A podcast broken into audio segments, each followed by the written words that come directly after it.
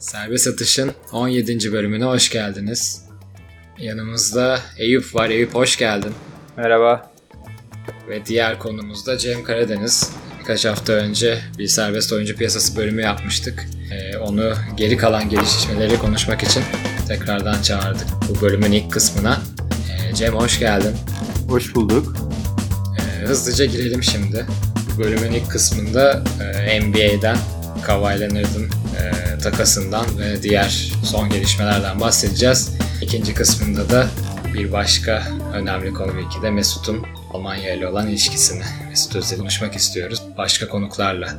E, şimdi direkt Kawhi Leonard'ın Toronto'ya olan takasından girelim. E, üzerinden birkaç gün geçti ama belki kafamızı toplamamız açısından da iyi oldu bunların geçmesi. Karşıdan gelen DeRozan'ı unutmamak lazım. Çok kolay unutabiliyor ama bir All-Star sonuçta. Ee, ve Jakob Poeltl ve Danny Green artı bir tane de draft pick'i tüm bu takasın parçaları. Cem sana sormak istiyorum. En çok e, en çok neyi merakla bekliyorsun bu trade sonrası yeni sezonda Toronto ve Spurs açısından? Toronto açısından bakacak olursak esasında takas gerçekleşmeden önce ortalıkta dolaşan Anunobi gibi, Siakam gibi isimlerden hiçbirini takasta vermemeleri oldu. Sadece Jakob Poeltl'ü verdiler ve çok da önemli bir parça değil esasında bu takasın içinde kendisi. O yüzden ben Toronto'nun bir senelik de olsa nasıl bir kadro olacağını nasıl performans göstereceğini çok merak ediyorum. Leonard'ın çok büyük ihtimalle bir, bir senenin sonunda e, Lakers'a veya Los Angeles'a diyelim Los Angeles şehrine gideceği belli gibi şu ana kadarki olan davranışlarından dolayı. Fakat bu bir senelik kiralık diyebileceğim süre boyunca Toronto'nun elindeki bu kadar değerli parçaya da göz önünde bulundurarak Toronto açısından heyecanlanıyorum diyebilirim.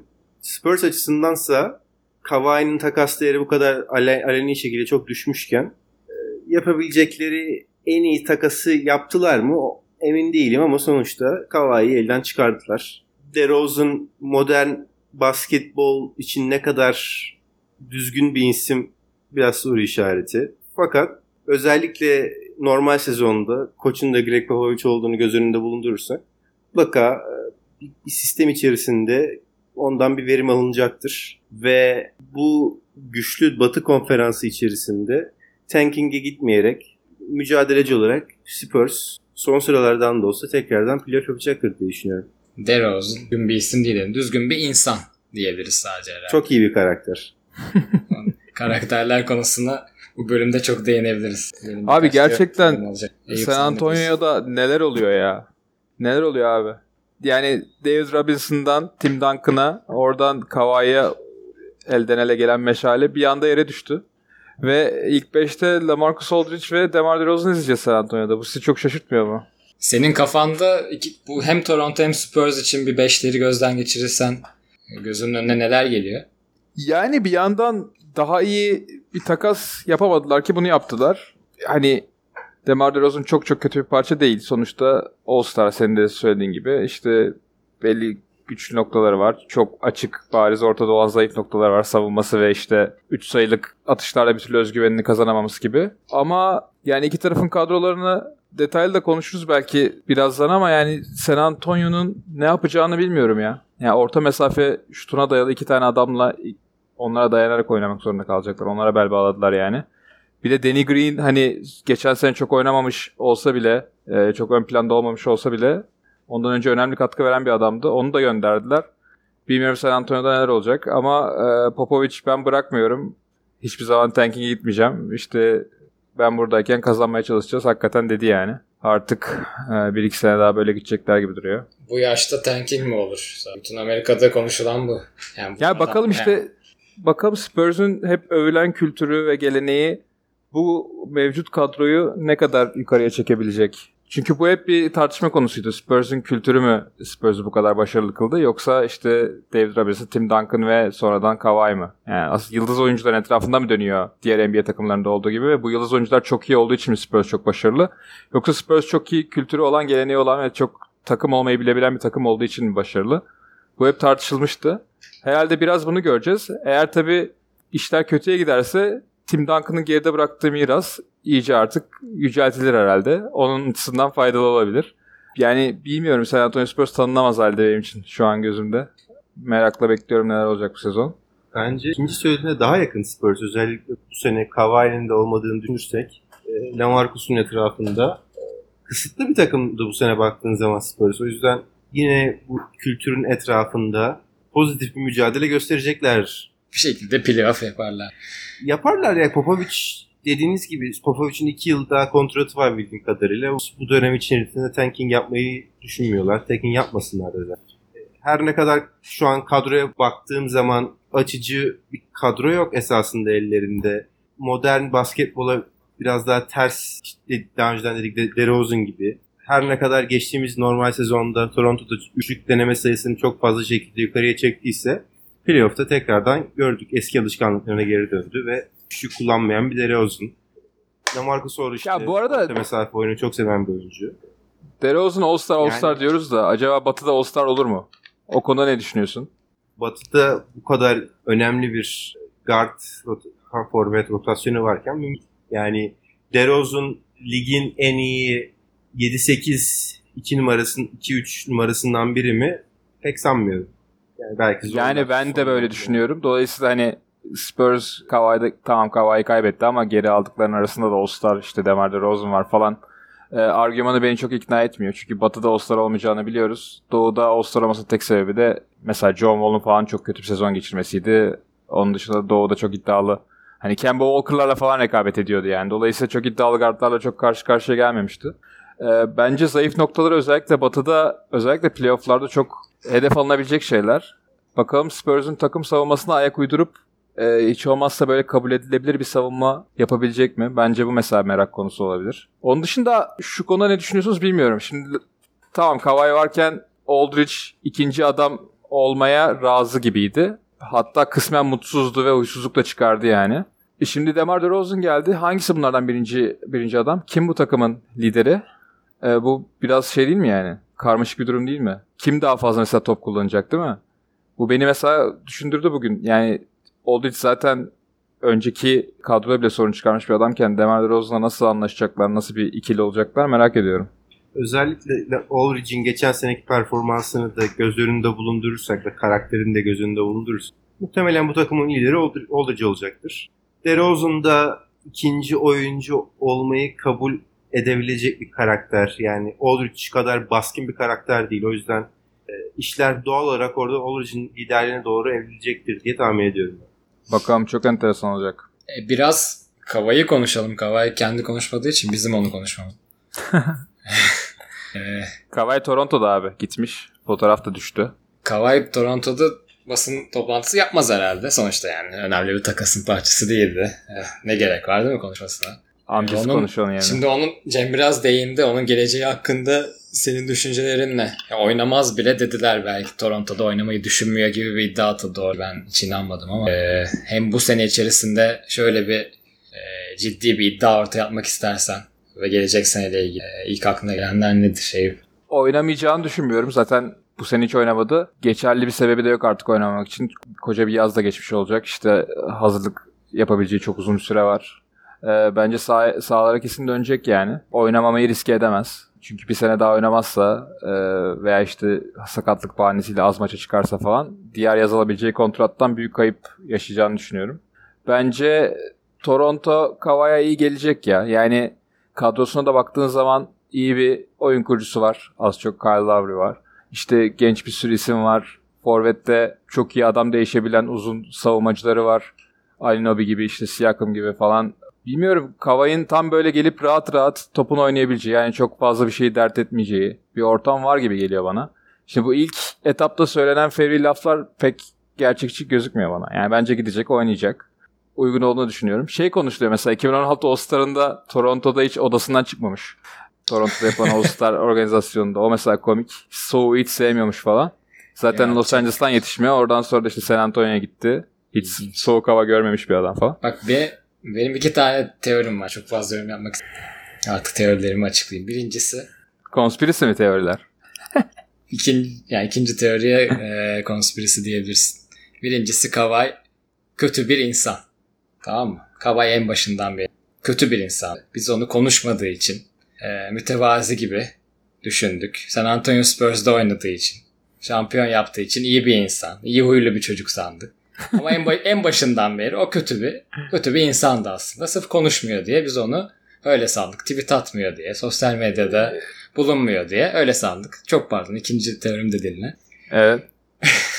İkinci teorim ise duymuşsunuzdur belki MK Ultra. O? Leonard. E, CIA'in birkaç Cem sen biliyorsun galiba ne olduğunu. Evet.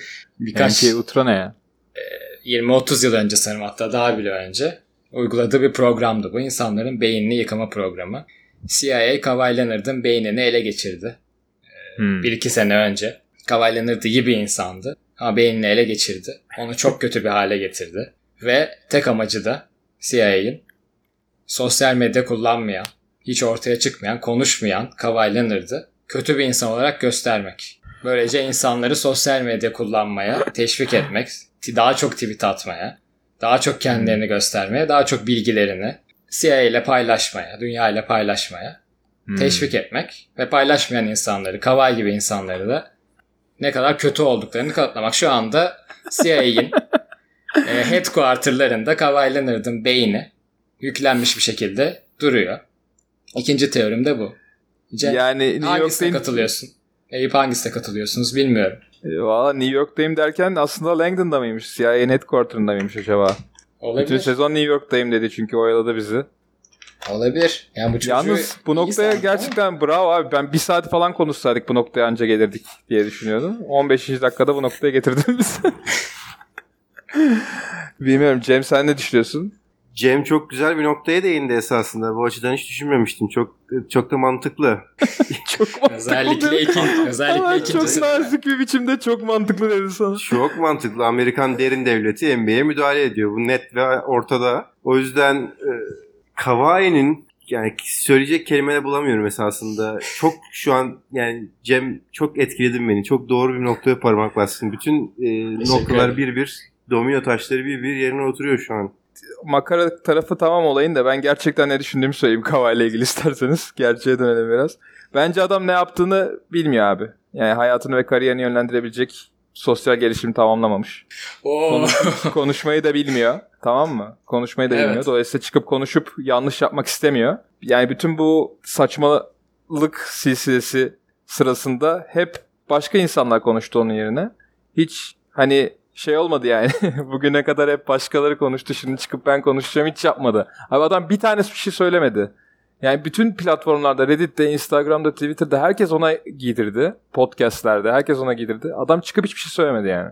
evet bu mütevazilik değil artık. E, bu Yani gerçekten bunu geçtim. konuşamamak, toplumla ilişki kuramamak. Daha önce biz bunu hep Duncan ve işte David Robinson kalıbına, Spurs kalıbına konulduğu için beğeniyorduk ama artık yani bunun işlevsel bir şey olmadığı ortaya çıktı bariz bir biçimde. İşte benim gerçek düşüncem Kawhi'nin bu olayı yönetemediği ve yanındaki insanların da artık hangi sebeplerden olduğunu bilmiyorum ama Kawhi'nin e, iyiliğini onu Hatta, sağlayamadılar. hatta ben buradan Kava'ya sesleniyorum. Kava'yı serbest atışa programımıza çağırıyorum. Gelsin. Bizle konuşsun. Benim hakaretlerinden sonra söz hakkı da olur değil mi? Gelsin konuşsun bizle. Kesin Beraber- biz de konuşur. Beraber bir program yapalım.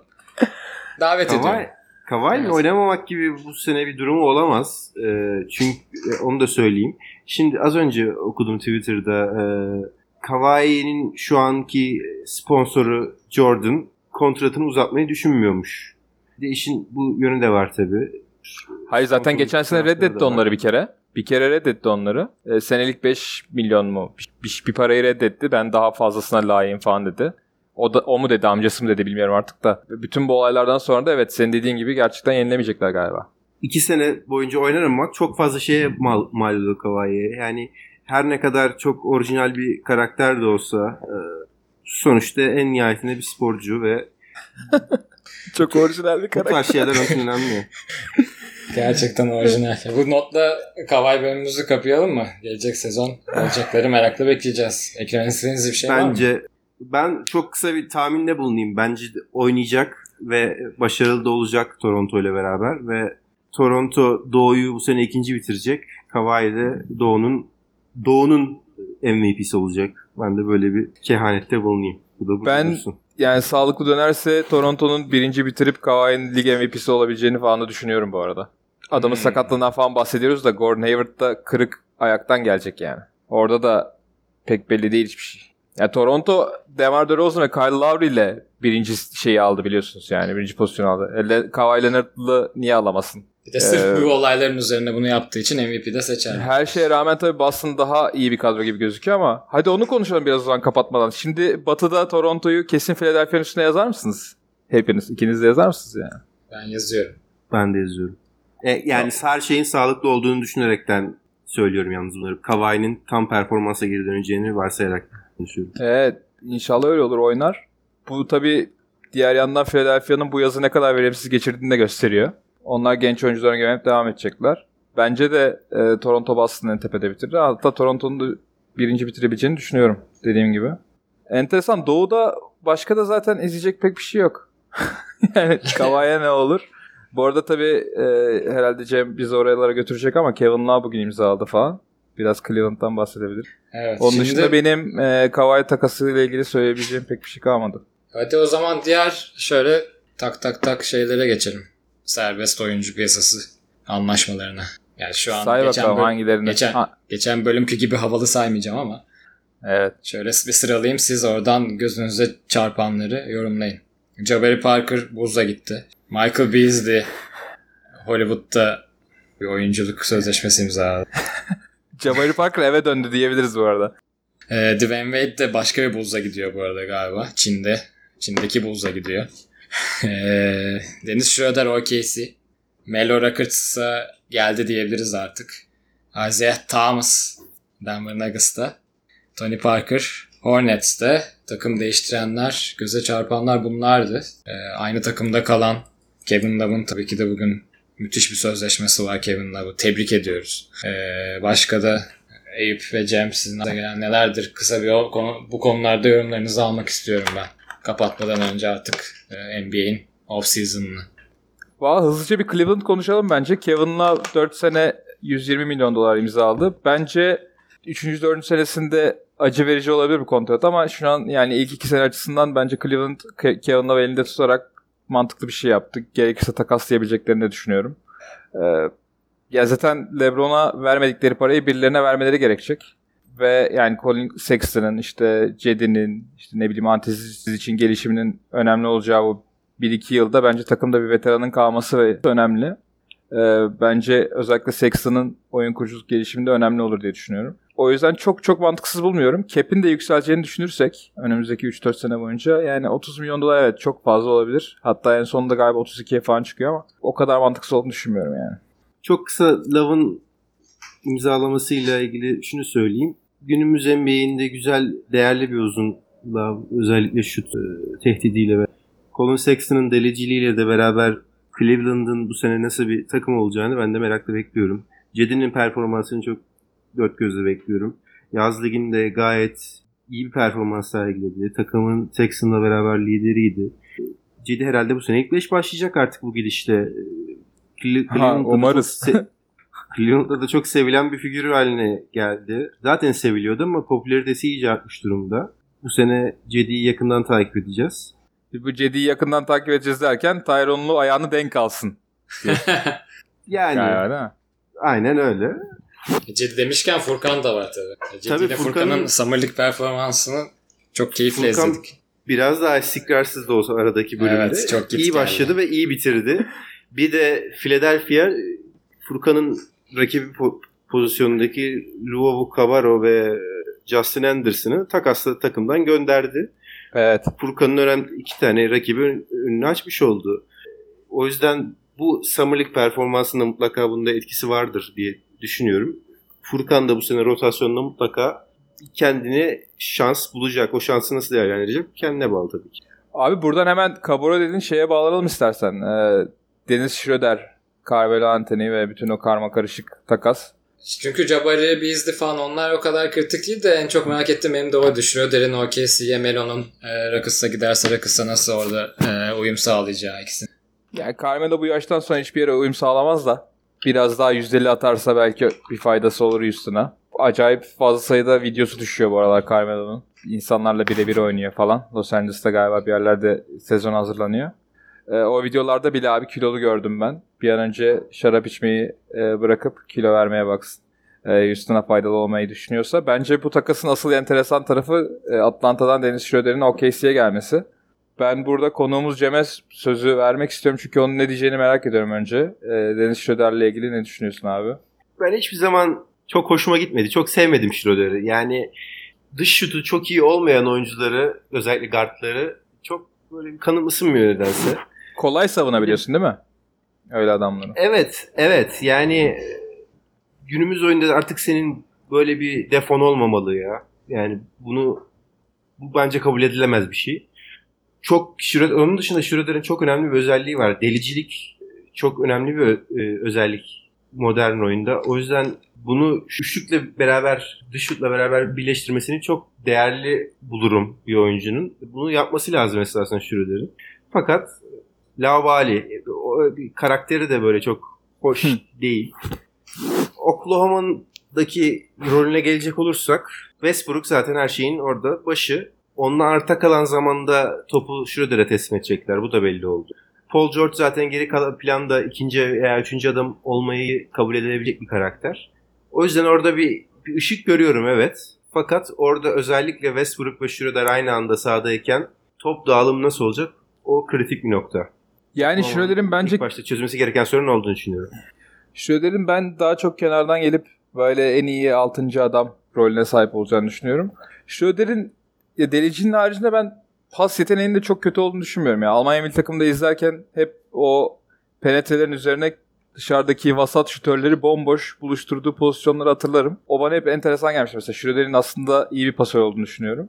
Ama Atlanta'da ona böyle atfedilen işte sen lidersin, skorarsın rolünü pek üstlenemedi yani. Pek omuzlayamadı. Çok verimsiz oynadı açıkçası bu sezon.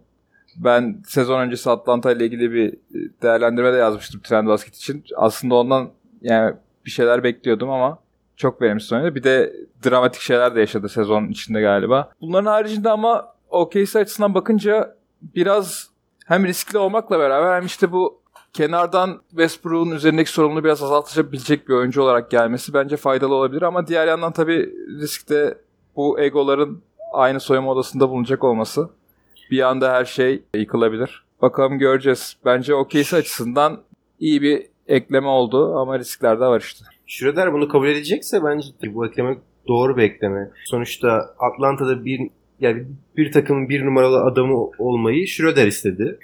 Burada başarılı olamadı o ayrı ama sonuçta karakter olarak, kafa olarak bir, birinci adam olmayı isteyen bir adam. Şimdi burada Oklahoma'da ikinci hatta yetenek bazında belki üçüncü bir adam Paul George'un arkasında e, olmayı kabul edebilecek mi? Önemli olan o zaten. Eğer orada bir uyum sağlanırsa mutlaka yerli olacaktır. Yani şimdi Westbrook'un olduğu yerde ben birinci adam olacağım veya hani e, ilk beşte çıkacağım gibi şartlar koşabileceğini düşünmüyorum.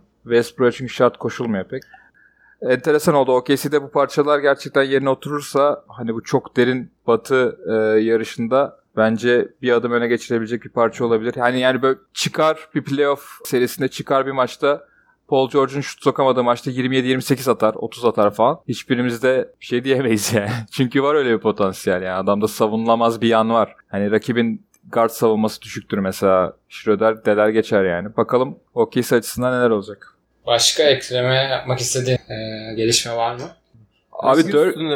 çok kısa bir değinmek isterim. Şunu söyleyeyim. Ariza ve Mbaumuta'yı kaybetmişken iki tane savunmanın önemli ismi. E, yerlerine Melo geldi. Zaten Houston'ın zaten hücumda bir yoktu. O, fakat savunmada bu sene nerede olacakları önemli. Çünkü Houston her ne kadar geçtiğimiz sene müthiş bir hücum takımı olmasının yanı sıra savunma olarak da sürekli olarak ilk beşleri zorlayan bir takım değil. Hep sürekli ilk onun içindeydi.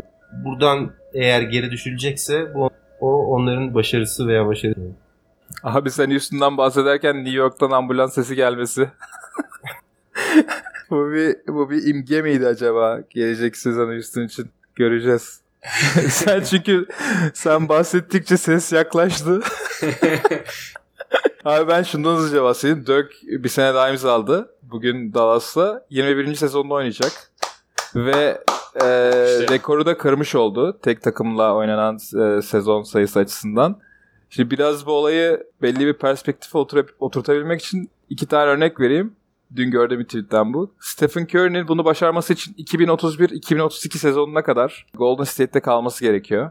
Luka Doncic'in ise 2039'a kadar Dallas'ta top oynaması gerekiyor bunu başarması için. Yani bu rekorun ne kadar kırılamaz olduğunu özellikle günümüz liginde işte oyuncuların kaderlerini oyuncuların belirlediği bu dönemde ne kadar kırılamaz olduğunu bence bu olay ortaya koyuyor. Dök'ün rekorunu bahsetmeden, bundan bahsetmeden geçemezdim yani. Çok severim. O yüzden bugün mutlu oldum tekrar imzalamasına. Törke dokunman çok güzel oldu tam kapatırken. Konuğumuz Cem. Demek istediğin son bir şey var mı? Yoksa e, yavaş yavaş diyebiliriz. Dirk Nowitzki saygılar abi. Seni uğurlamadan önce 17. bölümle ilgili oyunu almamız lazım. O yüzden 3 tane 17 numaralı oyuncuyu ben çıkardım tekrar. Hemen oyunu alacağız bölümle ilgili. İki tane NBA efsanesi var öncelikle. Bir tanesi John Havlicek, diğeri de Chris Mullin. Üçüncü onların yanına da çok konuşan, dirsek atan birini seçmek istedim. 17 numara Emmanuel Petit. Cem senin bu üçlü arasından oyun kime? Kalbimizde Putin'in her zaman ayrı bir yeri var tabii ki. Onu bir kenara bırakıyorum. Fakat ben burada Havlicek demek istiyorum. Ee, Özellikle 2000'lerin ortasında ve sonlarına doğru NBA TV'de sürekli dönen e, kliplerde Havlicek stole the ball tarzında e, NBA'in ellerin sonundaki 60'ların başlarındaki finallerden biri olması lazım. Şampiyonluğun kazanılmasında çok önemli bir yere sahip. Evet. 8 defa NBA şampiyonu. Üst üste galiba. Yok üst üste değil. Yok. 60-66 arası üst üste. 68-69-74, 76 kazanmış. Ee, 13 defa All-Star. 4 defa NBA All-NBA First Team. 7 defa All-NBA Second Team yapmış. Yani e, efsane Havlicek. Buradan o yıllara da bir gönderme olaraktan abi bir şey demek istiyorum. Tamamdır. Ben de katılıyorum senin oyuna. Biz de oyumuzu Eyüp'le bölümün en sonunda veririz. Cem sana çok teşekkürler. Seni tam olarak gerçekten uykundan uyandırıp bölüme çağırdık. Saat geç oluyor şu anda Amerika'nın doğu yakasında. Ee, tekrardan ağzına sağlık. Geldiğin Ben teşekkür ederim. Beni tekrardan konuk ettiğiniz için.